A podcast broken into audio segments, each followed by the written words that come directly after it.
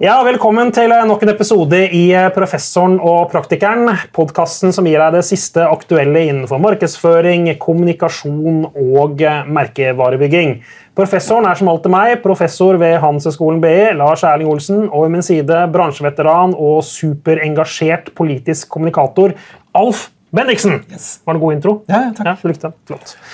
I dagens episode skal vi snakke om eh, noe som er veldig veldig aktuelt. Vi skal blant annet snakke om kommunevalget, for det står for døren nå. Og Der er det rikspolitikere og lokale politikere som gjør sitt aller beste for å overbevise velgerne om at akkurat de fortjener sin stemme, og at deres løsninger er det beste. Og For å få det til så driver de selvsagt med en masse kommunikasjon. Og Valgkampen er jo intens, og den som lykkes best med å kommunisere sitt budskap, er ofte den som får de største politiske gevinstene. Så I dagens episode så skal vi snakke om politisk kommunikasjon som fenomen. Hva er det? Hva er det som eventuelt skiller det fra annen kommunikasjon? Og ikke minst, hvor effektiv kan politisk kommunikasjon være i forhold til å, å vinne valg? Og er det noen problemer med politisk kommunikasjon? Og så håper vi på at vi kanskje også hører en og annen røverhistorie om, om dette feltet. Og Vi har invitert med oss eh, Norges kanskje mest kjente retoriker, eh, samfunnsdebattanten og PR-mannen eh, Kjell Terje Ringdal. Du er førstelektor på Høgskolen Kristiania og kanskje mest kjent i senere år for Washington-seminaret. Som du sikkert har lyst til å fortelle om etterpå. Mm. Og nå nyvinningen Berlin-seminaret, som du også startet med, med europeisk politikk. Og Kjell Terje, tusen takk for at du kommer til oss. Velkommen. Takk, takk for invitasjonen. Først og fremst. Du, vi, starte, vi, starter veldig bredt. Mm. Sånn helt overordnet. Mm. kan ikke du fortelle oss litt, Hva er egentlig politisk kommunikasjon? Litt sånn for dummies. Hva er grunnlaget her? Det, det begynner med den enkle innsikten uh, at kommunikasjon, kommunikare, betyr å gjøre felles. Kommunikasjon er ikke å sende ut og snakke og skrive og finne på gøyale ting. Kommunikasjon er å skape et fellesskap mellom deg som avsender og mottakeren. Du må forstå at eh, den du snakker med, kommuniserer med, har et liv og har et ønske om å få livet til å gå opp og til å bli bedre. Og den, det fellesskapet, det rommet som oppstår der, det er politisk eh, kommunikasjon. Mm. Syns du det lykkes? Så kort? ja, vi hadde trodd at vi skulle holde en halvtime. ja. Og det var helt fabelaktig presist. Ja. Ja. ja. det, var, det var skole... Det var, det var førstelektoren som snakket. Ja, det er, for det er det det handler om, eh, dette fellesskapet. Eh, og det er når man altså slamrer igjen døra, eh, løper ut av det rommet og holder på for seg selv på sitt eget rom, det er da det bryter sammen. Og det gjør det jo dessverre ofte. Man tror at nå sier jeg det, og så burde man kanskje på forhånd tenkt at det går jo ikke hjem. Og så dermed så er det skapt en front istedenfor at det er skapt et rom. Ja, nettopp. Men nå skal, jeg, nå skal jeg kanskje avsløre min uvitenhet. Men hva skiller politisk kommunikasjon hvis du setter det på spissen, fra propaganda? Er det, liksom, er det to vidt forskjellige fenomener, eller? Det er et nydelig spørsmål, fordi propaganda er eh, litt grovt eh, forenkla ensidig. Du eh, bruker både i overført og i bokstavelig betydning så bruker du en megafon. Du roper ut, sender ut beskjeder og ordre og påstander. Og så håper du at det du der sier, blir adlytt. Mm, mm. Det er propaganda. En, ensidig. ensidig. Du bryr deg ikke om de du roper til. Men det kan være veldig effektivt kan det ikke da, hvis du liksom får til uh, god propaganda. Ja. Det har vi jo historiske eksempler på. ja, ja. ikke sant? ja. det krever makt. altså Det som kalles for rogativ kommunikasjon, mm. hvor du mhm. bruker makt. Enten i form av innflytelse, politisk makt, uniformer osv. Da er den formen som du da bruker, når politiet snakker med med en gruppe mennesker som du, vi vil skal gjøre på oppføre seg på en spesiell måte, så er det den rogative kommunikasjonen. Som kan minne om propaganda, nemlig stå stille, gå hjem, hold kjeft. Ja, så Det er litt sånn totalitære regimer de har et grobunn for å drive med det, mens ja. demokratier vil slite med propaganda. altså. Ja, ja absolutt. Hvis man, altså Politisk kommunikasjon, da legger man politisk foran kommunikasjon. Men kan man si at det er noe forskjell på politisk kommunikasjon og vanlig kommunikasjon, eller er vi, er vi liksom, er det ja. Det er også et veldig godt spørsmål. Ja, jeg er flink i dag, syns jeg. Ja, eh, dette går veldig bra. Lars. Takk. Eh, det som, eh, det som, er litt interessant, for jeg rykker alltid litt til når man da snakker om la oss snakke om politisk kommunikasjon. Mm. Som om det er noe helt annet. For det er ikke det. Mm. Det kommunikasjon, altså kommunikasjon av politikk handler om, er jo da å skape det fellesskapet. Og det er det samme som jeg gjør med min kone, mine barn, mine kollegaer, mine studenter. Så eh, må jeg altså finne en form på det som gjør at de vil høre på meg, og kanskje til og med eh, applauderer og gjør som jeg sier. Jeg driver litt med propaganda for mine unger. det må jeg innrømme, altså. Du er tydeligere. Rydd opp! det er rogativ. Ja, Gå med bikkja! Ja. det, er ikke det er ikke så lurt, dette, kanskje. Nei, men Det kan være interessant som liksom krydder da, i hverdagen. At du vet aldri hvor uh, Varierer litt, liksom. Ja, Det hvor er når alt annet ikke virker, da. ja. Ja, det virker ikke. Det, Ja, det, er, det er liksom erkjennelsen at det virker ikke helt, faktisk. Det er da ikke klart å skape fellesskap. høres ut som. Det var ikke så bra. Nå skal vi ikke trekke inn for langt av, men uh, husk på at jeg har barn som kan lytte til dette. Ja. Mm. Ok, men eh, Så du mener at kommunikasjon, da, for å komme tilbake til seriøse, kommunikasjon og politisk kommunikasjon det er egentlig det samme? Det, men det er en forskjellig formål, selvfølgelig. Ja, det er forskjellig. Altså, om du. Mm. kommuniserer eh, en idé, eh, eller om du kommuniserer et produkt eller eh, politisk parti, så er det på en måte det, er det samme. Du må bare finne en måte å si det på som gjør at de som du vil skal høre, Mm, hører. Men da er vi inne på um, hvem de er, da. Ja. Så, og det er jo um, Nå skjønner jeg jo litt mer i Trump, hvordan han har klart å skape dette rommet Ja. eh, med så fryktelig mange, som Ja. han tydeligvis forstår, og som har sin tillit til han, da, uten at vi skal fortsette å snakke så mye om han. Men innenfor norsk valgkamp da, så er det jo eh, um, jeg, skjønner jo at veldig mange partier snakker til sin menighet. Og jeg merker jo hvilke menigheter jeg kunne tenke meg å være en del av, og hvilke jeg ikke kunne være en del av. Men hvordan, hvordan flytte folk fra menighet til menighet, eller fra rom til rom, må være ganske vanskelig. da. Ja, og eh, det alle politiske partier gjør, er jo at man titter én centimeter eller én meter utenfor eh, de nærmeste pårørende, og så forsøker de å finne ut av hvem, hvem er i drift. Hvem kan tenke så blir lokket over og inn i mitt rom? Hvilke type argumenter må du da bruke? Hvordan må du justere dine egne basisstandpunkter for å få med de som står i naborommet? Ja. Er det såkalte lilla velgerne, f.eks. nå? Ja. Ja, nettopp. Som da ble slengt ut da, av det store rommet. som står liksom mellom to partier og sånn. Ja. Absolutt. Mm. absolutt. For veksten ligger jo ikke blant dine egne, veksten Det er ligger jo det. utenfor. ikke sant? Det er akkurat det. Ja. Og da må du utvide rommet, da. Da må du utvide rommet eller åpne døra, Ja. slik at de som står rett utenfor, kommer inn. Mm. Og det er jo der, eh, og det kan jo være en kritikk av norsk politikk, at man blir så interne. Man holder på med sitt eget, sitt eget språk, sine egne ideer og applauderer hverandre. Og så glemmer man de som står utenfor. Det er du inne på artig, fordi jeg synes, uh, Når jeg hører på mange politiske ledere, så sier de at uh, vi i Arbeiderpartiet er opptatt av. Så tenker jeg ja, men Tror du jeg er opptatt av det, eller tror du andre er opptatt av det? Men jeg setter partiet først. Vi, dette er vi opptatt av, istedenfor å si at, at, at det, Istedenfor å snakke om deg, da, så snakker de om seg. Helt riktig. Men Alf, du er jo opptatt av eh, innenfor vanlig kommunikasjon, altså tenker jeg mer sånn eh, kommersiell kommunikasjon, da, at man skal tiltrekke seg flere kunder, nye kunder. er ikke det, er veldig er overførbart. da, ikke sant? Det er er veldig jeg logisk. altså Hvis du snakker for mye til menigheten, snakker for mye om indre, liksom, så fine disse produktene er, og det er vi alle enige om, for vi bruker produktet, så får du ikke nye kunder. Men det, Og det, det mener, det, samme jeg, ja. jeg mener jo at de politiske partiene er ganske dårlige på det. da. Jo, jo. Å utvide rommet sitt eller å treffe andre som er min, lenger unna en millimeter, en centimeter eller en meter. Du må jo kanskje en kilometer, da. Helt riktig. Ja. Men det så vi jo veldig tydelig eh, i disse sentralt utformede rammeannonsene til Arbeiderpartiet. Som ble, er sendt ut til eh, alle lokallag, også Bodø. Som da skulle sette inn bilder av sine egne folk og med sine egne tekster. Og det ble jo kaudervelsk. Det var altså eh, ord og begreper som i beste fall ble forstått av den lille komiteen som hadde laget den teksten. Ja, det var vel ordrett fra programmet til Bodø Arbeiderparti, tror jeg. Ja, faktisk, som stod der, ja. Og det er totalt uforståelig. Og det interessante da er at det oppstår jo et stammespråk, hvor man da i dette tilfellet sannsynligvis sitter da på et møterom i Bodø Arbeiderparti, og så er det dundrende applaus når man kommer opp med en helt grusom setning. Den satt, men det gjorde den jo ikke. Og den setningen er et uttrykk for et stammespråk som ikke fungerer i naborommet eller lenger ut. Så de mangler en slags form for markedsorientering. da. Forstå eh, Ja. jeg si, kundene sine, overført velgerne. Ja. Nettopp. De, de tester ikke reklamen sin. da. Ikke i det hele tatt. De kunne gått ned på, på shoppingsenteret på Bodø og så kunne de vist fram den teksten til de som passerte, og spurt skjønner dere dette. Jeg skal fortelle om en kjent uh, engelsk reklameskaper som heter uh, Ikke sant? Eh, da var det det navnet, da. En kjent engelsk reklame. Vi lar det bli med det. Jeg, jeg jeg kommer på. Men eh, for du vet, i, du har jobbet i reklamebyrå, for det var sånn vi møttes første gang i Bates. Mm. jeg husker. i gamle dager. Men eh, reklamebyråer, når de diskuterer ideer, så diskuterer de jo med hverandre. ikke sant? Altså stammespråk igjen. Mm. fordi de får impulser fra andre kreatører.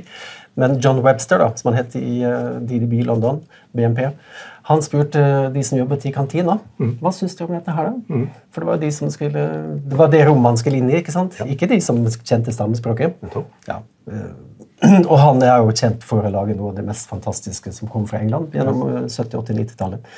Men eh, jeg tror ikke nok ikke eh, Arbeiderpartiet i Bodø spurte bussjåføren på veien hjem hva tenker du om dette her. Nei. Nei. Og det bør man gjøre. Ja. Alltid. Om du skal selge regnfrakker, Ja. lommebøker, politiske ideer. Ikke sant? Eh, virker da? Kan man si at eh, politisk kommunikasjon eh, en, en, altså påvirker valg? Det var et stort spørsmål, merka jeg. Ja, fordi ja, Det er lett å si jo, da. Eh, På sitt beste så kan det det. Eh, absolutt. Når man treffer den nerva, når man treffer mennesker som tenker at der hørte jeg noe som resonnerer i meg, noe jeg liker, og det ble kanskje framført av noen jeg liker, en, jeg, en jeg rett og slett har sympati for, da virker det. Eh, og det virker ikke sånn som vi nettopp har snakket om, det virker ikke når man ikke får denne resonansen. Det er ingen der ute som sier 'ja, her var det noe'. Dette tror jeg på. Dette likte jeg. Mm. Det var en som fikk det til i forrige valg. Ja, var det jeg skulle spørre om. Han- For han klarte å utvide rommet til Senterpartiet dramatisk. Helt riktig. Og så så vi hvordan det gikk. Men, Ja, ja. men jeg har jo sjøl brukt det i, i forelesninger og i foredrag. Hvordan det er mulig å le seg og sjarmere seg fra 6 til 19,6 og til å bli finansminister. Og det er et uttrykk for sjarm, altså det som kalles for aktioretorikken. Hvordan du er. Hvordan du smiler og møter folk og drikker kaffe og har det hyggelig. Da fungerer altså politikken fordi vedkommende er en type, var en type, som folk likte. Men Det er vel typisk for en del amerikanske presidentkandidater òg. De er- der er de gode. Altså, har du møtt Bill Clinton en gang, så husker du det. liksom. Han Ja. ser deg. Og han husker deg. Ja, ikke sant? Altså, Ja. Tilsynelatende ja, tilsynelatende husker han deg. ja. Ja. Ja, så det, det er jo et typisk eksempel. da. Ja. Amerikanske, amerikanske valgkamp er jo en sånn ekstremvariant av det vi snakker om. Eh, amerikanske politikere vet veldig godt at det handler om autentisitet. Mine velgere vil at jeg skal være autentisk. Og da må jeg kanskje ta på meg en skjorte, ta på meg en stil som gjør at jeg virker autentisk. Og da kan man jo spørre filosofisk er man da autentisk. Nei. Nei, nei. Men altså, det å Perception reality, vet du. Ja, Ja. Det å framstå som autentisk. Ja. Eh, amerikanske politikere har en veldig bevissthet om hva de har på seg. og Skjorter og slips og rødrutete skjorter og barbecue og grill. altså De Ja, ja, ja. forskjellige rollene som man spiller. Og kapser og Ja, ikke sant? Ja, ja. For, å, for å mime vanlighet. Mm. Og denne vanligheten er den som velgerne veldig ofte eh, har en sympati for. Det var ganske komisk å se første debatten med de republikanske kandidatene, da, som alle hadde på seg samme drakt. Ja, sant? Blå dress, hvit Ja. skjorte, rødt slips Ja. og svart hår. Ja. Det er riktig. Det er helt riktig. Og det er en, eh, ja, det er en sånn kommunikativ påkledning med mange lag.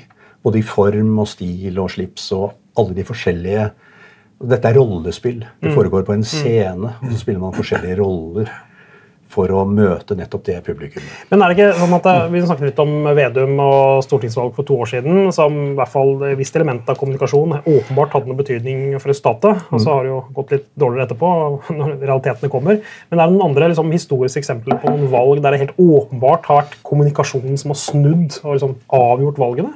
Har du noen eksempler på det? som er liksom, Et negativt eksempel eh, er jo Dukakis. Ja, Eh, som var presidentkandidat, eh, og som, eh, som sleit fordi eh, han var litt utydelig på, eh, på dette med hvorvidt eh, han var for eller mot krig. Eh, og han fikk da spørsmålet en gang, altså Mr. Dukakis, Will you protect your family hvis noen kommer inn i, i stua di? Vil du passe på kona di? Og så går det da to sekunder. Og dette var de lengste sekundene i Amerikas historie. Og så sier han Well, Og det er det dummeste du kan si. Sikker. Kommer an på Ikke sant? Ja, Hvor er jeg lenge, liker jeg kone med lenger? Ja. Og så skulle han kompensere for det, og da gikk det fra galt til verre. Hvor han da ble satt opp i en tanks. eh, Hvor han skulle rulle innover en slette, og, og fotografene var satt opp nettopp der for at de skulle fotografere Dukakis. Som da hadde et visst håp om å bli president. Men det de hadde glemt, var at Dukakis var en veldig liten mann. Så han ble altså satt oppi denne tanksen, og så satte de på han en litt for stor hjelm. Ja, de visste hva de gjorde, altså. Som gikk da sånn ned sånn cirka rett over øyenbrynene. Og, og mot da fotografene så ruller det en fyr som vi ikke tenker han kan forsvare oss. Det er ikke man in chief, liksom. Eller guttungen som hele tiden og ser. Og den vil få opp og ned. Ja? Jeg, jeg ser elevene for meg. Ja, jeg tror jeg har sett de bildene også. Det er helt fantastiske det er bilder. vondt. Det er vondt. Og, det er, og det snudde. Det snudde er mange eksempler. Bill Clintons uh, saksofonspilling, sjarm, uh, belevenhet, ungdommelighet. Norsk politikk, har vi noen gode eksempler? Sånn, eh, ikke akkurat helt arsferske, men ting som har, har kommunikasjonsmessig snudd eller ikke snudd. Jeg, tenker, jeg, jeg, jeg, jeg har litt sånn Torbjørn Jagland litt på tunga, da. Ja, ja. men jeg vet ikke om du er enig i det? Ja.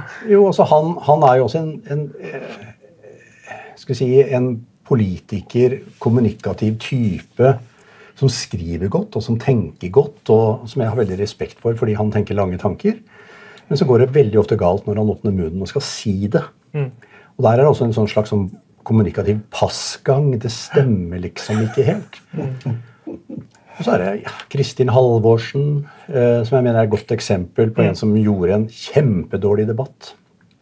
Og som etterpå ble spurt hva tenker du nå? Nei, nå tenker jeg bare at nå må jeg hjem eh, og hvile litt og snakke med unga. Og dermed så vokste hun, og så ble hun en autentisk figur. Et menneske som vi tenkte ja, ja, vi kan alle tulle oss litt bort, og hun er jo god da. Alle har en dårlig dag, liksom? Ja, Nettopp. nettopp, ja. Så dette var liksom bare i løpet av sekunder så viste hun fram seg selv. Men er det en linje mellom Jagland og Støre her? Litt, i, liksom, litt sånn keiteteten av og til, og dette å prøve å fremstå som de kanskje ikke er? Ja, nå har jeg, bare for å si det, jeg har enorm respekt for, eh, for Støre. Ja. Nå snakker vi om kommunikasjon og persepsjon, er ikke hva gjør. som er sannheten. Det er det vi gjør. Ja. Eh, og der tror jeg at, eh, at Støre er den som, som kjemper med det autentiske. Mm. Eh, og det å erkjenne at du er fra Oslo vest, erkjenne at du har en haug med penger i banken, erkjenne at du har gått på Sorbonne og er egentlig eh, ikke helt vanlig. Mm. Eh, han forsøker på en måte å skjule det faktum at han er den han er. Mm. Og det å skjule faktum betyr at du blir inautentisk. Jeg tror jo det enkle rådet er jo du må være den du er. Du må kunne Det var vel et påskeintervju i år da han satt oppå en snøflekk oppå fjellet der som ble litt rart, eh, jeg husker. Eh, Ja, og det var jo også denne suget etter autentisitet, hvor, eh, hvor han da Han ble jo spurt om uh, vil du bli Arbeiderpartiets leder. Og hvor han da på typisk norsk sier at det da tok jeg på meg skiene. ikke sant? Treskiene, sannsynligvis. Så går han innover i sporet, og så, så gikk jeg opp på toppen til Gaustablikk, eller hva det var. Så satt jeg der og tenkte, underforstått. Litt sånn litterært, sammen med naturen, sammen med vinden. Og veldig vestkant. Og Ja. veldig vestkant, ikke sant? I hvert fall ikke noe som kjenner igjen i en industriarbeiderstrøk. Ja, måten å tenke på. Men det du sier med kommunikativ passgang, er veldig presist. da. For det skaper et bilde oppi hodet mitt om eh, dette det er to ting som ikke henger sammen. da. Ikke sant? Ja. For du går, men det ser ikke helt bra ut. Men uh, hvordan har dette endret seg de siste årene? For at jeg jeg har inntrykk av at eh, politikere har blitt mye mer kompetente kommunikatorer sånn de siste, ja, siste årene. da. Jeg vet ikke akkurat 10 år, 20 årene enn det har vært før. Er det, er det et riktig, eller hva tenker du? Er det et eh, riktig eller galt? Det er et annet spørsmål. men Hva er din tanke rundt det? Kanskje mer profesjonelle. At man forstår medienes um, krav til kvikkhet, morsomhet, eh, til, eh, til, det å, til det å få fram temperatur. Så dette spillet mellom mediene og menneskene i studio har jo blitt mer og mer påfallende. Eh, Det kan vi jo alle sammen se, at det er en sånn slags sånn, det er, også det er et sånn rollespill. Nå må vi ha det litt gøy. og Vi har vært på TV alle sammen og vet at det, vi får jo beskjed på forhånd om at kjør, kjør på nå, og skap temperatur. Og, og det å være morsom. Ikke, vær- ikke vær sånn Stendel Olsen. Nei, Vær litt rett på. Ja, Sånn. Vær gjerne litt firkanta. Og så blir jo også dette et spill, da, et eh, slags teater, et politisk teater, hvor enkeltutsagn treff- trekkes fram. 'Min hånd er ikke stusslig'. ikke sant? Altså denne for så vidt gøyale kommentaren fra Støre, men som kanskje får urimelig stor plass. For det er jo ikke det det handler om, men det fungerer medialt med denne litt sånn ja, spisse, litt uh, si, ja, gøyale, iscenesatte rollespillet. Men kritikerne vil jo kanskje si at det er en amerikanisering av norsk politisk debatt? Det er jo det, og dette er jo, og dette er jo liksom medienes, uh, medienes grunnleggende krav til hva som er godt TV. Da må det være kvikt. Eller morsomt, eller dramatisk, eller konflikt. Altså det, det, nettopp. det skal ha noen spisser i seg. Men, men er det et samfunnsproblem? Altså har, har politisk kommunikasjon blitt, Er det et problem, eller er det bare positivt? Altså, Spinndoktor er ikke nødvendigvis et positivt ord. for å si det sånn. Nei. Nei. I dag satt jeg og eh, simultananalyserte Politisk kvarter.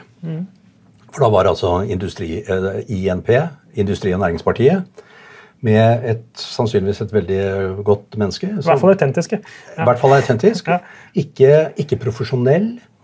Men hvordan hun da møtte denne formen for samtale. Den politiske samtalen i mediene har blitt veldig spiss og veldig kritisk og veldig et sånn slags sånn underforstått 'du forsøker å lure meg', du. Du snakker ikke helt sant, du. Ja, Hvordan kan du si det, da? Dere som gjorde slik eller slik. og Ja, nå må du svare på spørsmålet. Veldig polarisert, Altså, ja. Veldig polarisert og veldig en sånn negativ eh, form som liksom er gullstandarden da, for mm. norske politiske journalister.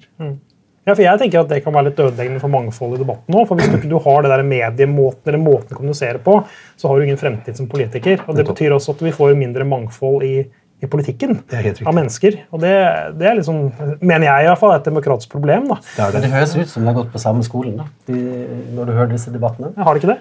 Ja, det kan godt hende. De har gått på de samme kursene, Ja. og så blir det gøy da, når det kommer inn, altså gøy for lytteren liksom, når det kommer inn en som er amatør, da, som sier litt rare ting. Og, og dermed så, så blir, så blir de, de brytes sammen fordi formatet brytes. Så denne, disse nye politikerne Vi ser jo ordførerkandidaten, altså Anne Lindboe i, i Oslo, er jo ikke en profesjonell og dreven politiker. Hun det har ble- nede, og det ble hun tatt for sant? Ja. Og er nede med hånda og sier ting som kanskje mange kunne ha sagt, men som hun ikke kan si per definisjon. Da går du utenfor formatet. Det var litt dumt, den sa òg, da. sånn. Du var ikke helt hjemme. Jeg er ikke helt heldig med den, det må jeg nå si. Men, men eh, Vedum, eh, finansministeren, sa i, i valgkampen for to år siden at nå skulle vi liksom kutte kommunikasjonsfolka i staten. og Det har jo ikke skjedd, selvfølgelig, men det var det han skulle, skulle gjøre. Eh, er det et av problemene at det er blitt for mye kommunikasjonsfolk rundt politikerne? Altså da, det blir alle like, tenker jeg på. Alle får de samme rådene, alle har de samme proffe folka rundt seg som sier de samme tingene. Dette er, det, er litt sånn, det minner litt om eh, Nils Arne Eggen i Rosenborg, som jo selvfølgelig ble fryktelig populær eh, på det å være tilgjengelig, og at, eh, at det var anledning for alle til å komme inn og spise lunsj sammen med guttene, guttene eh, i Rosenborg. Fordi det var en sånn slags naturlighet som ble framvist. Rosenborg, vi er nedpå, vi er på gulvet.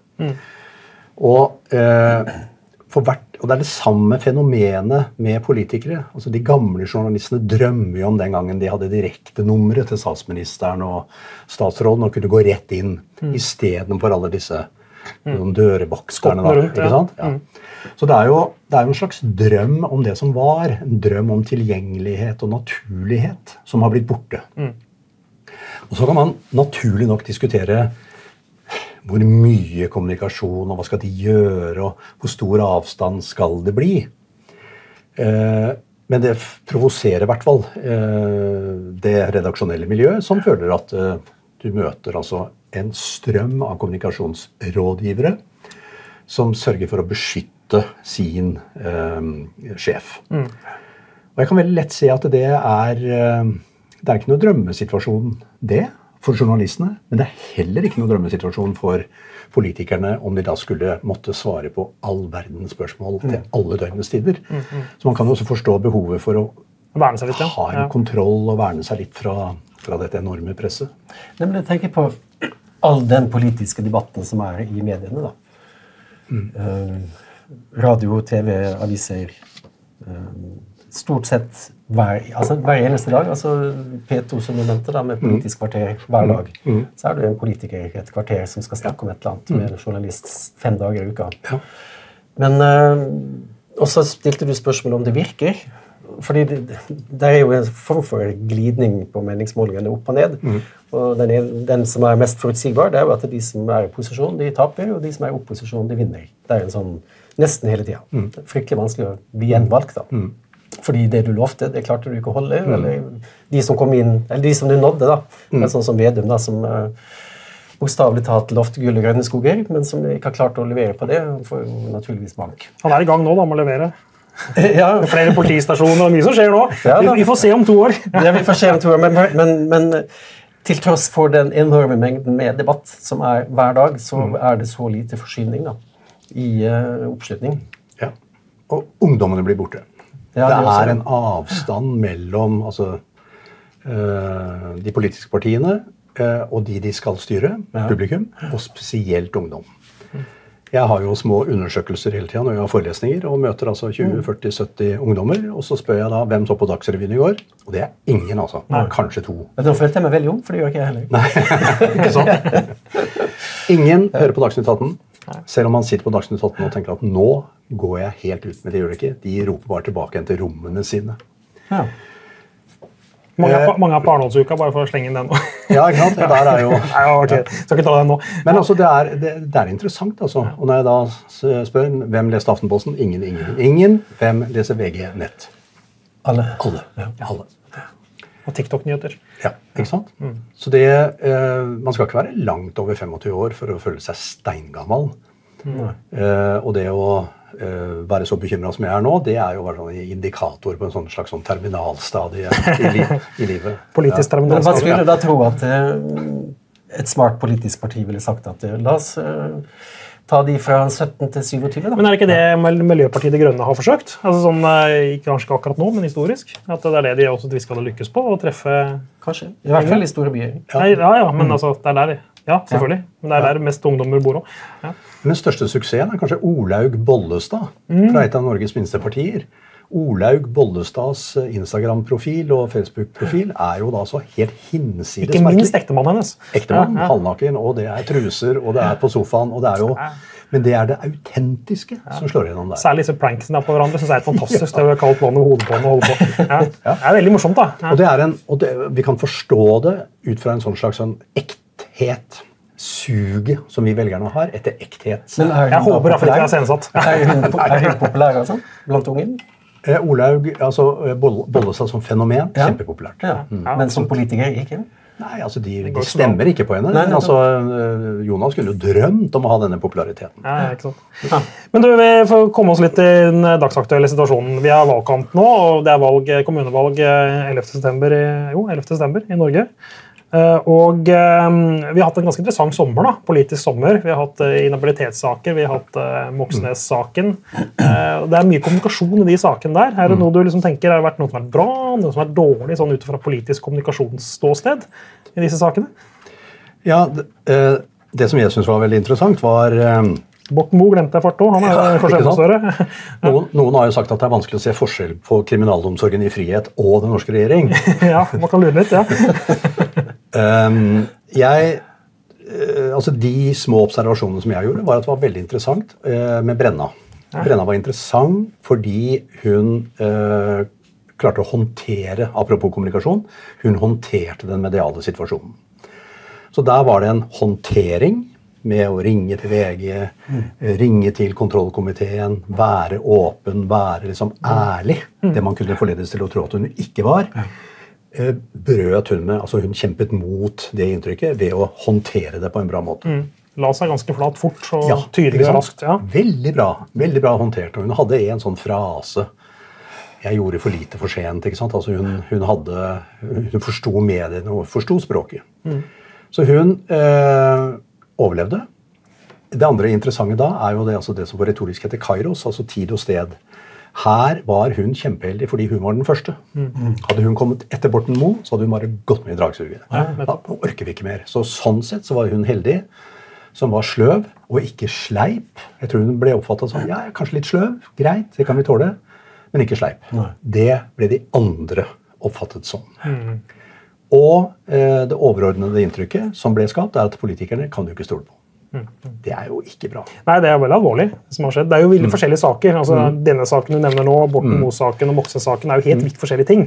Men fellesinntrykket er jo at politikere det er, noe, det er kriminelle folk. Det er, ikke, det, er ikke, det er jo ikke tillitsskapende, nei. Nei, tvert imot. som det er ikke det. Nei. Nei, for det er interessant, det eksempelet. så Hun var frampå, hun styrte saken fra dag én. og forsøkte å gjøre det. Og så har du Moxnes, som egentlig ble drevet fra tue til tue. og Har vel egentlig ennå ikke innrømmet det som alle som har sett den videoen, eh, ser. At eh, de solbrillene, de, de, var, de havna der. Men det er godt det du sier, da. Med sløv, men ikke sleip. Det tror jeg liksom var en sånn slags sånn springende punkt Ja. her. Retorikken har jo et område som kalles for apologistrategier, altså hvordan du ber om unnskyldning. Og er, altså Det er som å lese bare Margrethe Munthe og god oppdragelse. Du må være ærlig, du må snakke sant, du må innrømme skyld, du må være villig til å ta ansvar for dine handlinger. Det er sånne, sånne krav da som kommer. Som Margrethe Munthe er på pensum på Kristiania. Det burde det ha vært. Det er en god idé. For vi, skal synge, vi skal synge Margrethe Munthe nå. Unnskyld. Ja, du var i gang. Men, men er ikke det, men altså, jeg, jeg hører hva du sier, og, og så tenker jeg litt du snakket om i stad, om dette med autentisitet og sånn. Altså, er det, hva er det egentlig vi vil av politikerne våre? Vil vi ikke at de skal være ekte mennesker av kjøtt og blod som kanskje ikke er like flinke til å kommunisere alltid? Jo. Eller vil vi ha de som er kjempegode på apologistrategier? altså, hva er det egentlig vi vil ha? Ja, vi vil ha ekte mennesker. Det er det autentiske. Suget etter ekte mennesker. Det steingamle eksempelet, Torbjørn Berntsen, han sa jo, han var jo spinnvill i språket sitt, men så ekte. Mange og greier. Off, Ja. ikke sant? Og det, det var den gamle sveiseren, og det var industriarbeideren, og han, han var helt ekte. Selv om han da liksom ikke gjorde det riktige. Og dette er Trump-effekten. Når du ikke gjør det riktige, når du er i opposisjon til liksom, eh, staten og mamma og pappa og lover og regler, så er du på en måte en sånn slags ekte figur. Nå tror jeg Trump altså, Han har jo mista noen millioner, men altså, det er jo ganske interessant å se på hvor mange millioner som fortsatt heier på ham. Og det tror jeg er en refleks og en drøm fra disse velgerne om at endelig er det en som står opp mot det verste jeg veit, nemlig staten. Og lover og regler og fartsgrenser og det, woke og all, alle sånne ting. Så han blir en mytisk figur som frambringer ideer og drømmer hos velgerne. Mm. Han er, jo, han er jo ikke akkurat lik velgerne sine, Donald Trump. Det kan man ikke Nei, men han er et forbilde. ikke sant? Ja, men han blir, ja. Så- Rampete, Ja, rampegutten. Men det er interessant det du sier, fordi det forklarer hvorfor han kommer unna med å bryte loven. Fordi de, de andre liker ikke den loven. Nei, det er, og dette Og da kan han bare bryte loven som han vil. det er helt riktig. Nå har han lagt ut, nå ble det jo tatt sånn mugshot av han i natt. Ja. Eh, og de bildene er nå allerede på T-skjorter. Eh, du sånn. får kjøpt på 46 dollar. Ja. Det er ikke for T-skjorta, men til hans valgkamp. Det er helt fantastisk. Eh, hva tenker du, Nå er vi jo noen uker igjen, eller det er et par uker igjen eh, cirka, eh, av valgkampen. Eh, hva tenker du, Hvem har vært flinkest så langt? Hvem er det som på en måte vinner i valgkampen, eller ser i ferd med å vinne valgkampen ut ifra sånn kommunikasjonsståsted? Tenker ikke akkurat den som vinner valget, men mer liksom Hva tenker du? Altså Det er et lokalvalg, så det er klart det er jo mange forskjellige ulike kommuner, og sånn, men sånn overordnet? Fløypartiene ser ut til å være de som uh, har vært flinkest, med unntak av Fremskrittspartiet. Men altså uh, SV eh, har vært gode. Ikke fordi de har gjort så mye aktivt, men det er på en måte rollen som de har fått lov til å innta. Så Sånn sett så er jo SV kanskje en vinner som ikke har gjort så mye, men som bare i kraft av posisjonen sin, det at de aldri ble med på regjeringen, det at de har vært i utkanten uh, av, av det sittende regimet. Uh, og de har jo gjort det såpass bra at det kan jo faktisk vippe. Altså, er, altså Selv om Høyre nå fosser fram, så ser det altså ut til at, eh, at SV på den andre sida kan bidra til at det blir en annen og Det kan bli Rødt fortsatt i Oslo. Mm, for eksempel, ja. Mm. Noe som har vært det dårlig? Ja? Uh, Har det vært noen sånne politiske, eller kommunikasjonsmessige fadeser? som du tenker? ikke fadeser, men uh, altså Arbeiderpartiet har jo liksom ikke fått helt flyten. Uh, jeg syns jo heller ikke Høyre gjør noen sånn fantastisk valgkamp. Så det er en sånn slags jeg vet ikke, en fremkalling av strømninger som allerede ligger der. Men Har ikke det vært litt av kommunikasjonsstrategien til Høyre òg? At eh, Erna skal bare fremstå sånn statsmannsmessig eller statskvinnemessig og bare sitte der og så jeg bare stort meg, liksom, og ikke Ja. gjør for mye sprell. Og, Ja. At Sitt rolig i båten. det er kommunikasjonsstrategi, det òg. Ja, Sitt rolig i båten. Bare vær med strømmen. Ikke gjør noe gærent. Mens Arbeiderpartiet Jeg tror nok de tapte, hvis man kan si det, det tapte de for noen måneder siden. Når de gikk knallhardt ut mot altså, Lilla-velgerne, veldig skarp, kritisk, kjip kommunikasjon. Det var det. For Der var du aktuell for et halvt år siden men, men eh, blant annet det. ikke sant? Du gikk i rette med den eh, voldsomme kritikken av næringsliv og den type ting. gjorde du ikke det? Jo, det gjorde jeg. Og jeg er jo da en av disse 170 000 lilla-velgerne som har eh, i nesten hele mitt liv stemt Arbeiderpartiet. Ikke veldig begeistra og veldig henrykt, men altså jeg har tenkt at det er et bra parti. Stoltenberg Arbeiderpartiet har vært mitt parti. Som har vært næringsvennlig, og som har tenkt at det er helt ok å bo i storby og sånn. Plutselig så ble jeg ikke velkommen. Ja? Jeg ble borte. Uh, og ble kritisert fordi jeg tjener over 6G. eh, og ble under, altså en sånn underliggende kritikk om at det å være i privat sektor ikke er bra. Så det var en sånn LO-følelse hvor, eh, hvor alle som ikke er industriarbeidere, liksom, Og bor på landet. og bor på landet, ikke er bra. Eh, og Det tror jeg var dramatisk for Arbeiderpartiet, for der forsvant det mye folk. Jo Og si, sånne som oss rundt dette bordet, som bor i storby, har eh, høyere utdanning, tjener greit, ble plutselig Men har de ikke prøvd å snu det bildet? men de, ja, men det snudde jo det rommet du sier, inn mot sentrum, og, og skulle liksom ta det mot venstre. Det er riktig. Der de kanskje ikke har helt troverdighet eller liking. jeg vet Det er riktig. Ja. Det er riktig. Men det har skjedd mye siden du skrev den kronikken, og det har jo vært en vår imellom. et halvt år imellom. Syns du ikke de Arbeiderpartiet har gjort noe forsøk på å snu det inntrykket? eller? Jo, de har det. Har det lykkes, da? Nei. Nei, men- Hvorfor ikke det? Nei, fordi eh, det ligger der hele tiden. Og her tror jeg eh, at Arbeiderpartiets eh, forhold til LO, fagbevegelsen, er det som gjør det vanskelig for dem. Det blir et lodd, et politisk kommunikativt lodd rundt, eh, rundt Arbeiderpartiets bein. Fordi det ligger denne, denne si, kritiskheten og denne kommunikative surheten mot de lilla velgerne, den ligger der fortsatt. Selv om både Vestre og Støre og Arbeiderpartiet ellers har forsøkt å si nei, men vi er naturligvis opptatt av privat næringsliv osv. Og, og de har justert litt på dette med privat-offentlig eh, helseomsorg. Men fortsatt så ligger det en sånn slags eh, ja, grunnleggende kritiskhet til det private. Men har LO fått eh, hånd på rattet, da?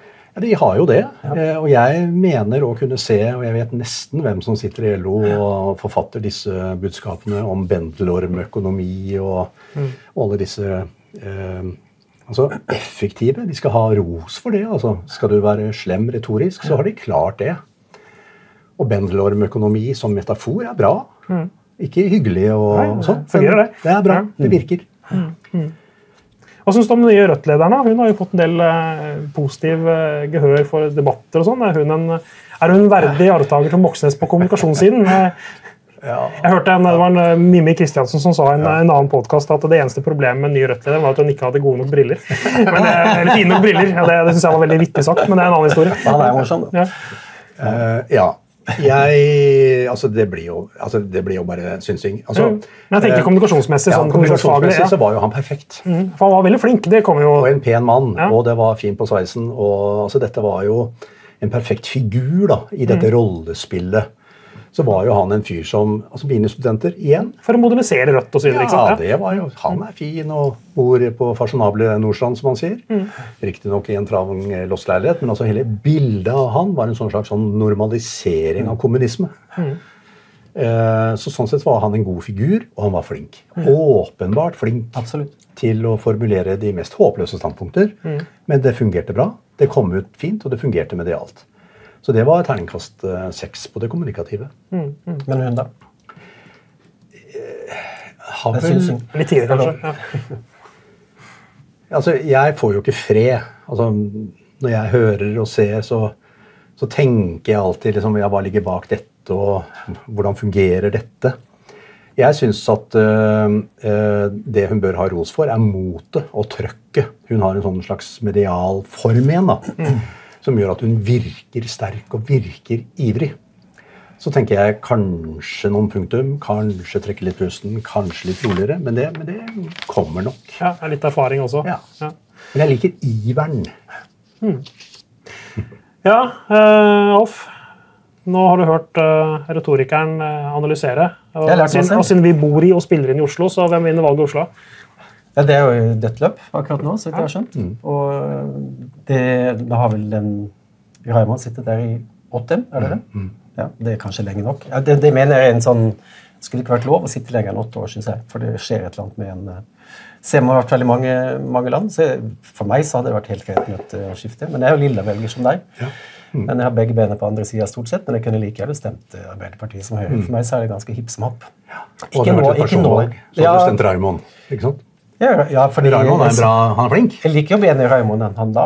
Men det er jo fordi at han... Hvem kalte du La? Ikke sant? Hva heter han? Jeg vet ikke hva han heter. Nei. Det er jo et av problemene til Høyre Oslo. Hvem er han som han er jo ikke en person som jeg tenker han har lyst til å gå ut og ta en kaffekopp med.